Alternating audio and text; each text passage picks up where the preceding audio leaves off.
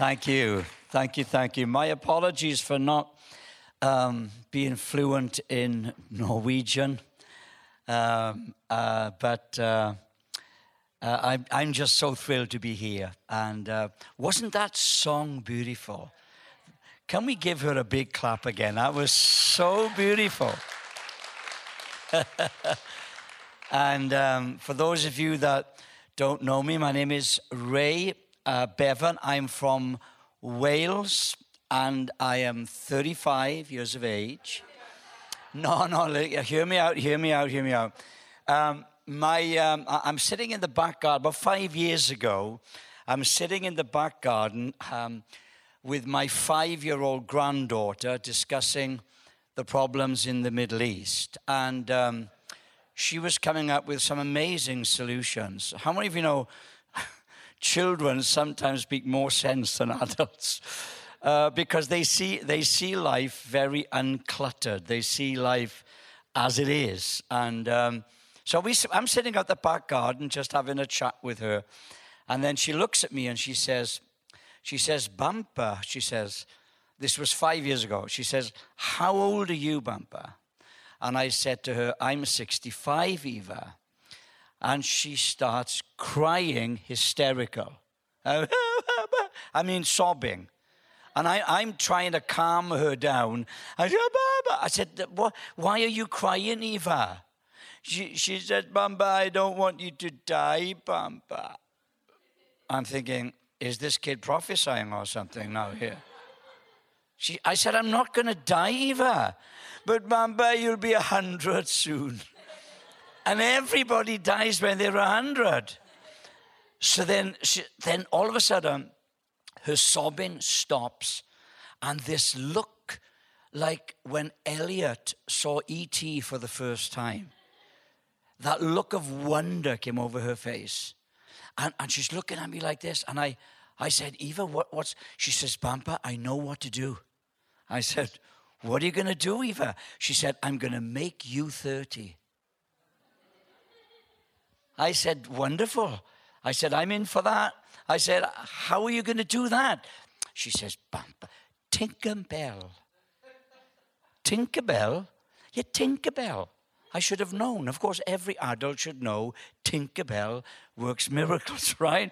So I said, How is Tinkerbell going to make me 30, Eva? She says, Bampa, you are stupid. Last night, the tooth fairy came to my bedroom and left some money and some fairy dust from Tinkerbell and it's magic. And I'm going to throw this dust over you. And you're going to become 30. I said, okay. so I went with it. I, I, I went with it. So she threw this dust over me. I'm still trying to get it off my clothes five years later.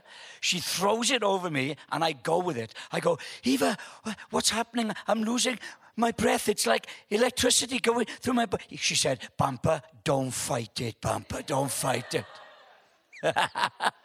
and then, uh, and then, uh, and then I said, "Wow, what's just happened, Eva?" She says, "Bumper, you are now 30." And she went off to play with her dolls, happy.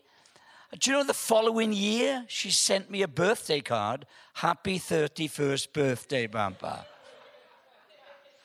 The only problem last year, I'm driving her to school and she's staring at me again.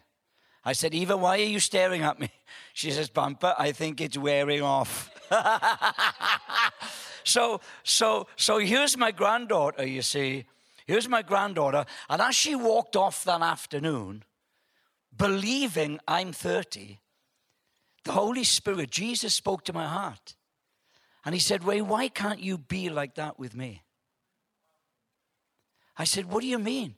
He said, he said, unless you become like a little child, you're never going to grasp the wonder of my love for you. He said, You try to work it out, you try to reason it out, you try to calculate things out. I, and he said to me, he said, Don't you understand that I'm in a relationship with you, not some mechanical religious formula? And he said, unless unless you become like a little child. You see, my granddaughter lives in a world where magic mirrors speak. I've, I've seen Frozen 6,000 times. I'm beginning to believe that Elsa really can do that stuff. Do you know what I mean? I mean, I've seen Beauty and the Beast. I don't know. You know what I mean? And, and, and do you know what? She draws me into her world. Uh, uh, we know it's fantasy, but don't tell kids that. Don't tell her that when she was five. I mean, you see, she lives in a world where wooden boys become real boys. I, I mean, I've watched Pinocchio. I, I don't know. I, mean, I tried to convince her once that I was Pinocchio. I said, see if I can stretch this. How far can I go here? I said, Eva, do you know Pinocchio? Yes, Bumper. I was that boy. She goes, never. I think I had her for about three minutes. I said, Oh, just terrible. I said, I used to hate going to school because I was followed by a woodpecker for three miles, kept pecking on my head like this. It's not much fun being a wooden boy. Never bump. Oh, yeah. And they never put me in woodwork class because they were all trying to make a, a lamp stand out of me every Wednesday, and I didn't like it. So, so I'm, and then she says, nah. But she lives in a world of wonder. She lives in a world of wonder where, where, where pumpkins become golden carriages. You see, when it comes to having a relationship with Jesus, unless we become like children in the way that we see God, in the way that we think, we will never experience the wonder of His love. You, you can't, you can't, that, that's why many people don't enjoy a relationship with God because they, they think it's based on rules. And it's based on, on, uh, uh, on, on, on behavior patterns. Love, love goes beyond that. And, and, and as a preacher, to try to, like this morning, I preached about God's love this morning, and to try to explain you know, to people how much God loves them is one of the most difficult tasks because you're dealing with something that's not tangible. And, um, and so that's why sometimes Jesus spoke in stories. Sometimes that's why he used illustrations. That's why he brought a little child and says, Hey, you intellectual theologians, you, you know, you think you got it all sorted. You, this kid knows more than you do when it comes to about relating to me. And um, when I was thinking about, you know, sharing with you tonight, it's a baby dedication, uh, and uh, it just brought all this, this, this back to me, you know. A very, very famous preacher in the UK, a guy called Charles Haddon Spurgeon, he said this, uh, which is quite profound. He said, To try to describe how much God loves us it's like a swallow skimming the surface of the ocean, but unable to dive into the depths beneath. So it is with every descriptive adjective to try to describe the love of God for us. They just skim the surface while immeasurable depths lie beneath. So sometimes the only way as a preacher that I can um, try to explain to people how much God loves them. I don't know what your religious persuasion is. I don't know. Um, I don't know whether you, you, are Christian. I don't know whether um, you know you're thinking about it. I don't know whether you are one. I don't know, but I do know this, and I shared this this morning. There's one thing that every single one of us in this room have in common, and that is a a God shaped vacuum in your life that only He can fill. You, you, can try, you can try to fill that. Come on. I mean, look, you, we, we, you can have a great social life, you can have a great bank balance, you can have a great family life. But come on, there's those moments, aren't there? those moments when you're on your own and you're lying on your pillow at night or you're driving in the car or you see something or you hear a song or something triggers it off and you think, man, I must be here for something bigger than this. Uh, there, there must be something else to life than, than nine to five. And we all get those moments. And the Bible says, actually, the Bible says that God has put eternity in our hearts. So, so every one of us here, and you know, the only way that you're going to have that, that, uh, that hole filled is, ex- is by experiencing the unconditional love of God. Um, you know, sometimes I think we've lost the wonder of God's love just to accept you. When, when, when, when, when the guy on the cross next to Jesus was dying, um, he was a thief. We don't know what his crimes were. Uh, he was nailed to a cross, so there's nothing he could do to get Jesus to accept him. He, he couldn't give money. He couldn't, his, his, his feet were nailed to that cross. There's no, there was nothing about his behavior that could put him into a place where he could say, Now God will accept me. Now, the amazing thing about the wonder of God's love is that he, he, he accepts you just the way that you are. Now, He may not agree with the way you're living, but acceptance may not necessarily be agreement. But He accepts you. You see, the, the first ingredient for you to start a relationship with Jesus, you've got to, you've got to understand the wonder of his love in the fact that he, he accepts you. You can come. I remember when my son was about six or seven, and I'm in my office studying. I'm, I'm, I'm, I'm sort of uh, doing some important stuff. I'm in my office, and he comes to the door, and uh, he doesn't knock. He just opens the door. He comes right up to me and he says, uh, he didn't care what I was doing or writing. And he says, Dad, can you give me money for an ice cream? And I said, Sure, I give him money for an ice cream. And off he went. Again, the, my, my heavenly father said to me, Ray, why can't you be like this with me? I said, What do you mean? He said, Ray, as one father to another father. How would you feel if your son came to the door and he was rehearsing his repentance speech before asking you for money for an ice cream? So he's, he's shaking outside the door, afraid, and he, and he picks up enough courage to knock the door, and then this voice comes from inside Who is there?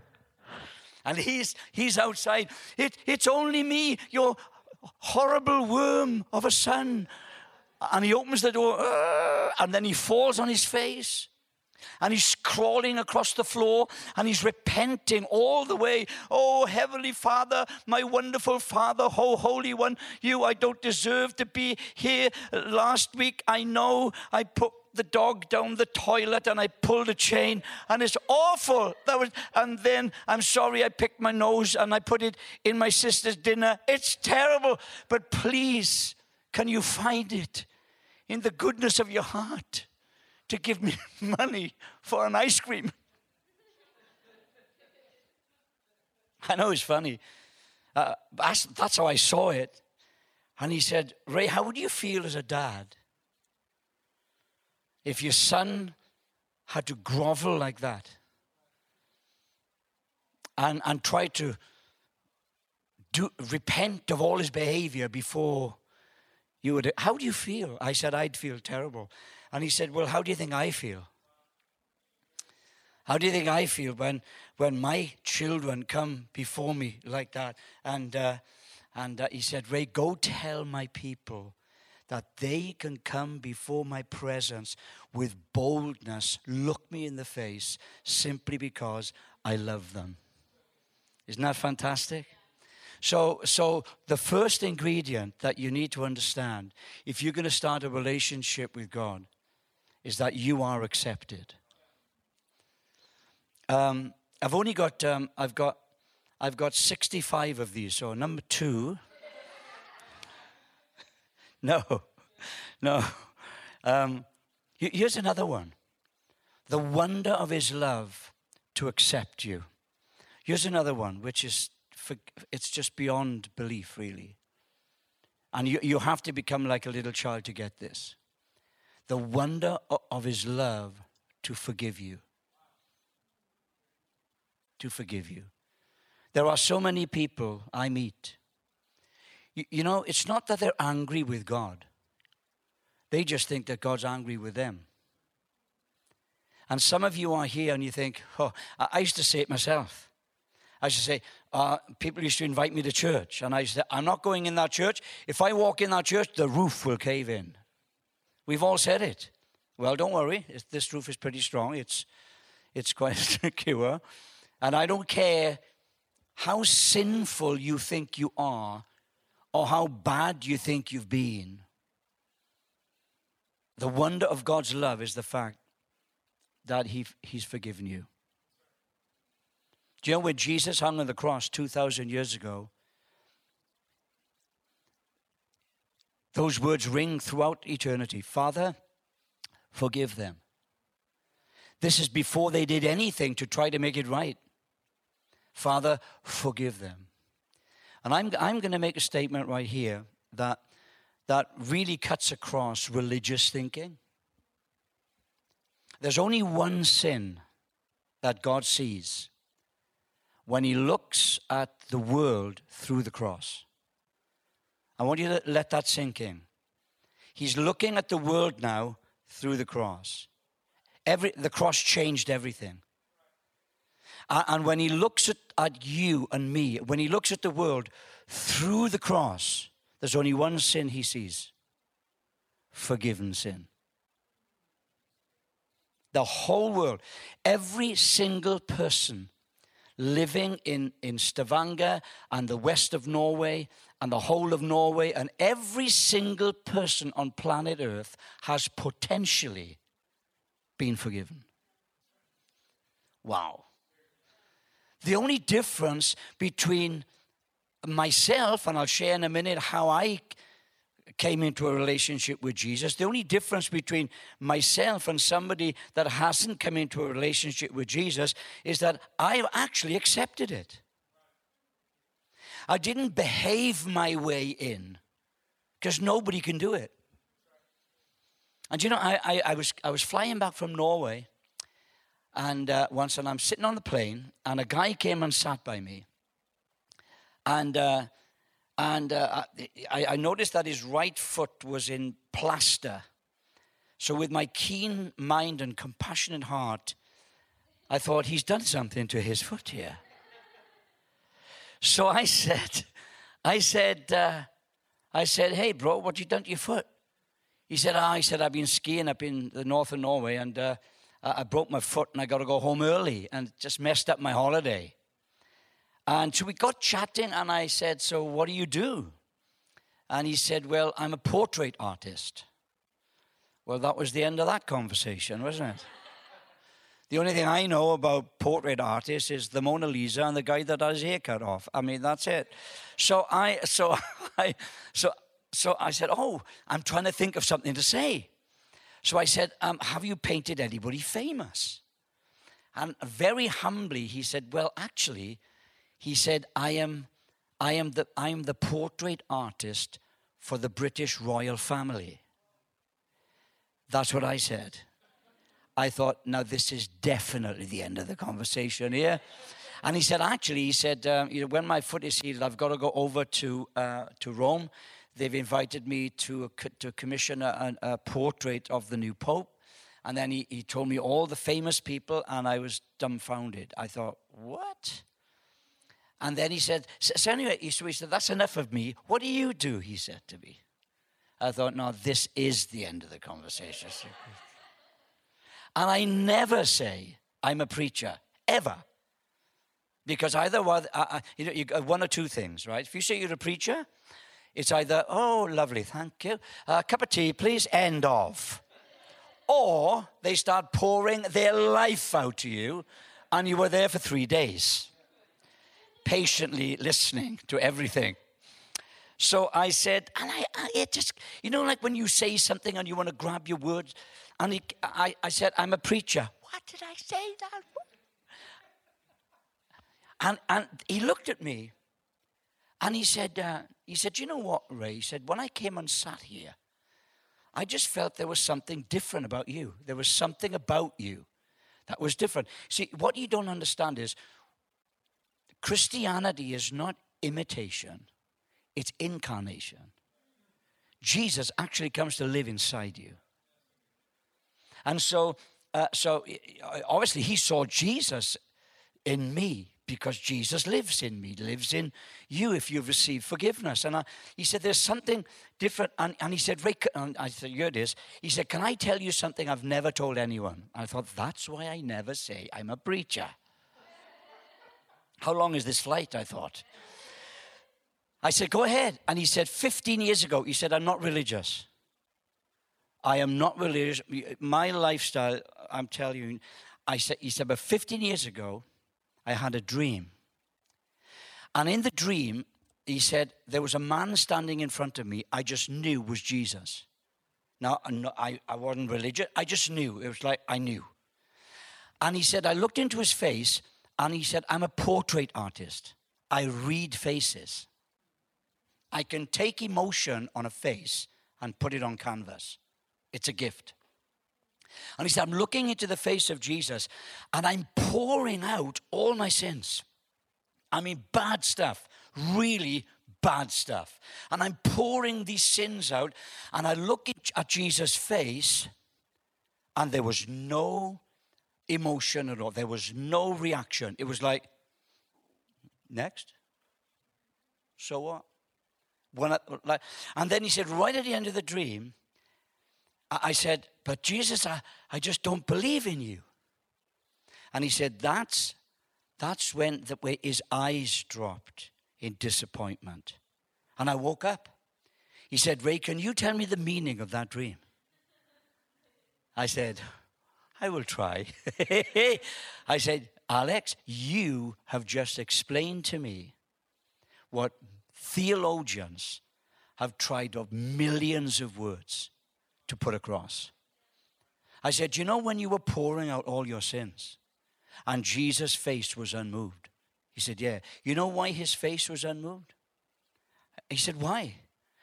Because he's paid for all of your sins.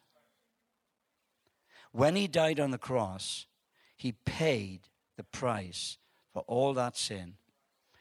And basically, Alex, your sin is not a problem to him, your pride is.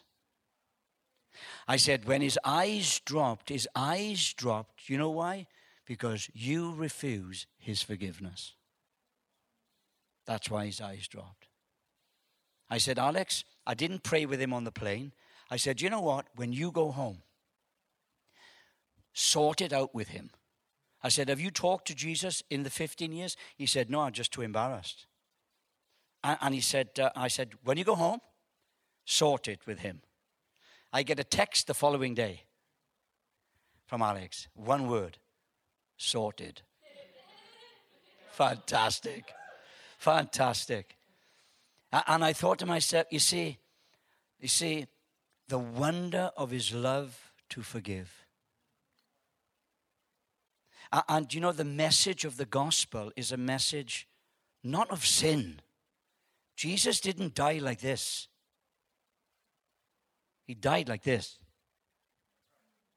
Because when he died on the cross, he took God's punishment so that we don't have to. See, God is righteous, he has to punish sin. But then he has to punish sin without destroying the sinner. That's the genius of the cross. Jesus said, I'll take it. All the sins of the world, let me take your wrath and your judgment. Then you can turn to the world and say, Anyone who believes in me will receive eternal life. For God so loved the world. Not for God so judged the world. For God so loved the world that he gave his only son, watch this, that whosoever believes, watch this, not whosoever repents. Your salvation, knowing Jesus, does not depend upon your repentance. It depends upon your believing. The repentance will come, but believing comes first. Unless you become like a little child. You know what? I could go on and on, but, you know, uh, I, you know, you're looking at me, you think, oh, well, you're a preacher. Really? I mean, I was a rock singer in the 60s. Women used to scream my name. they wanted to touch my body and everything. Women still scream my name, but for the wrong reasons now.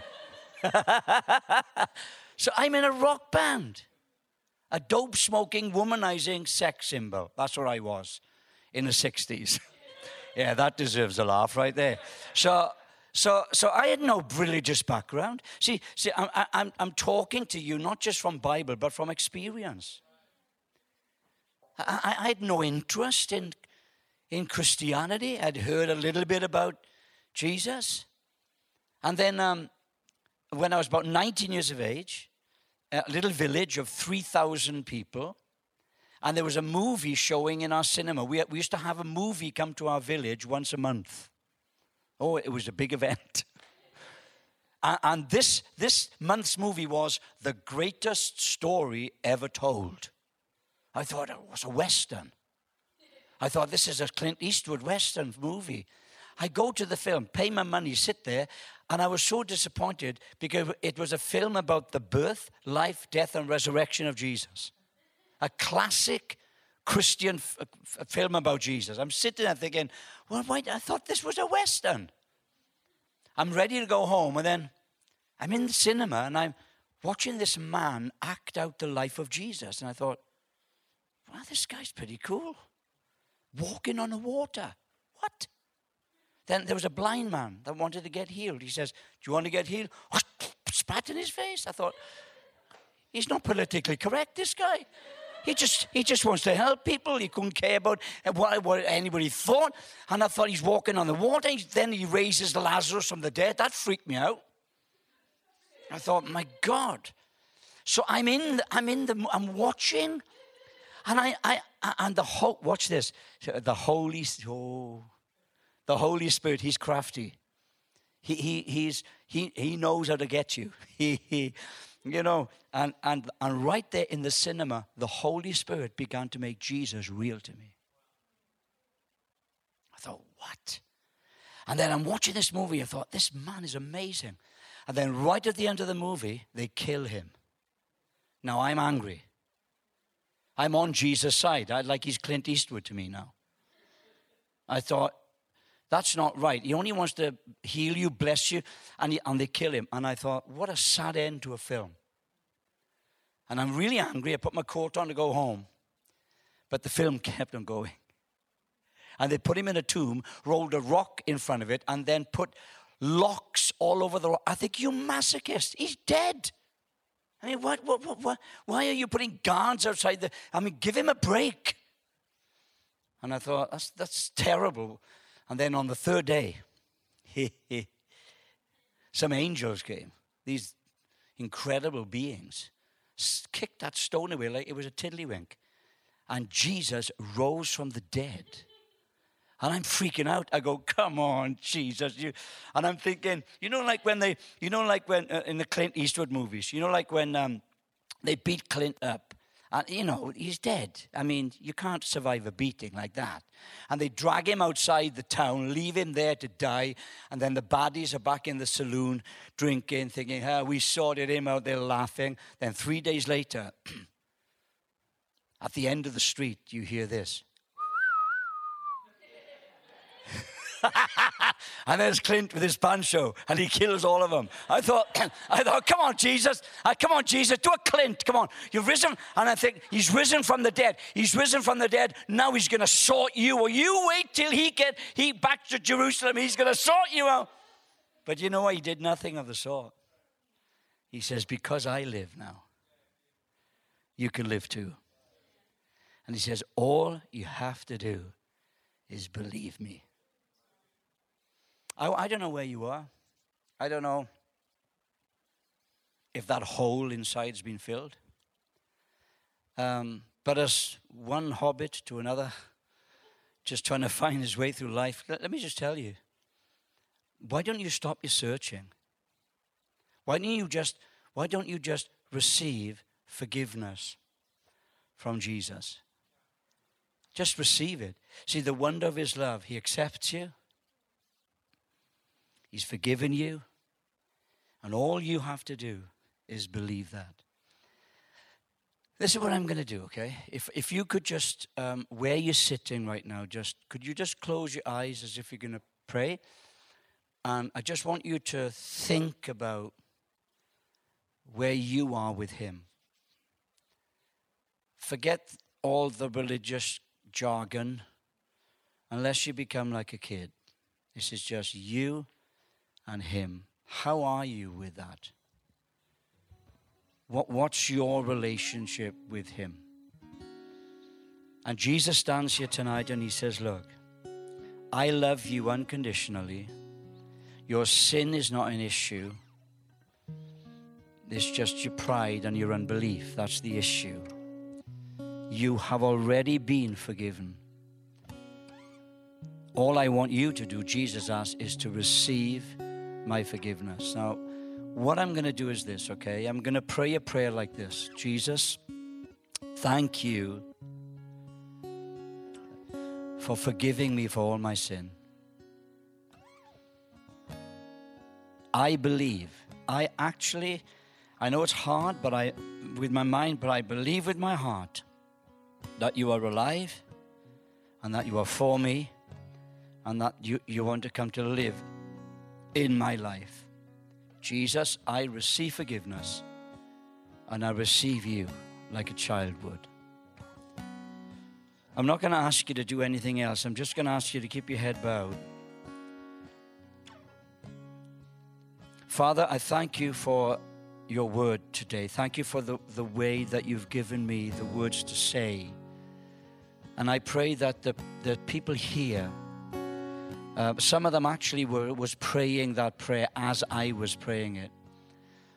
Lord, I, I pray for them, for every single person that has prayed that prayer to receive forgiveness and receive your life.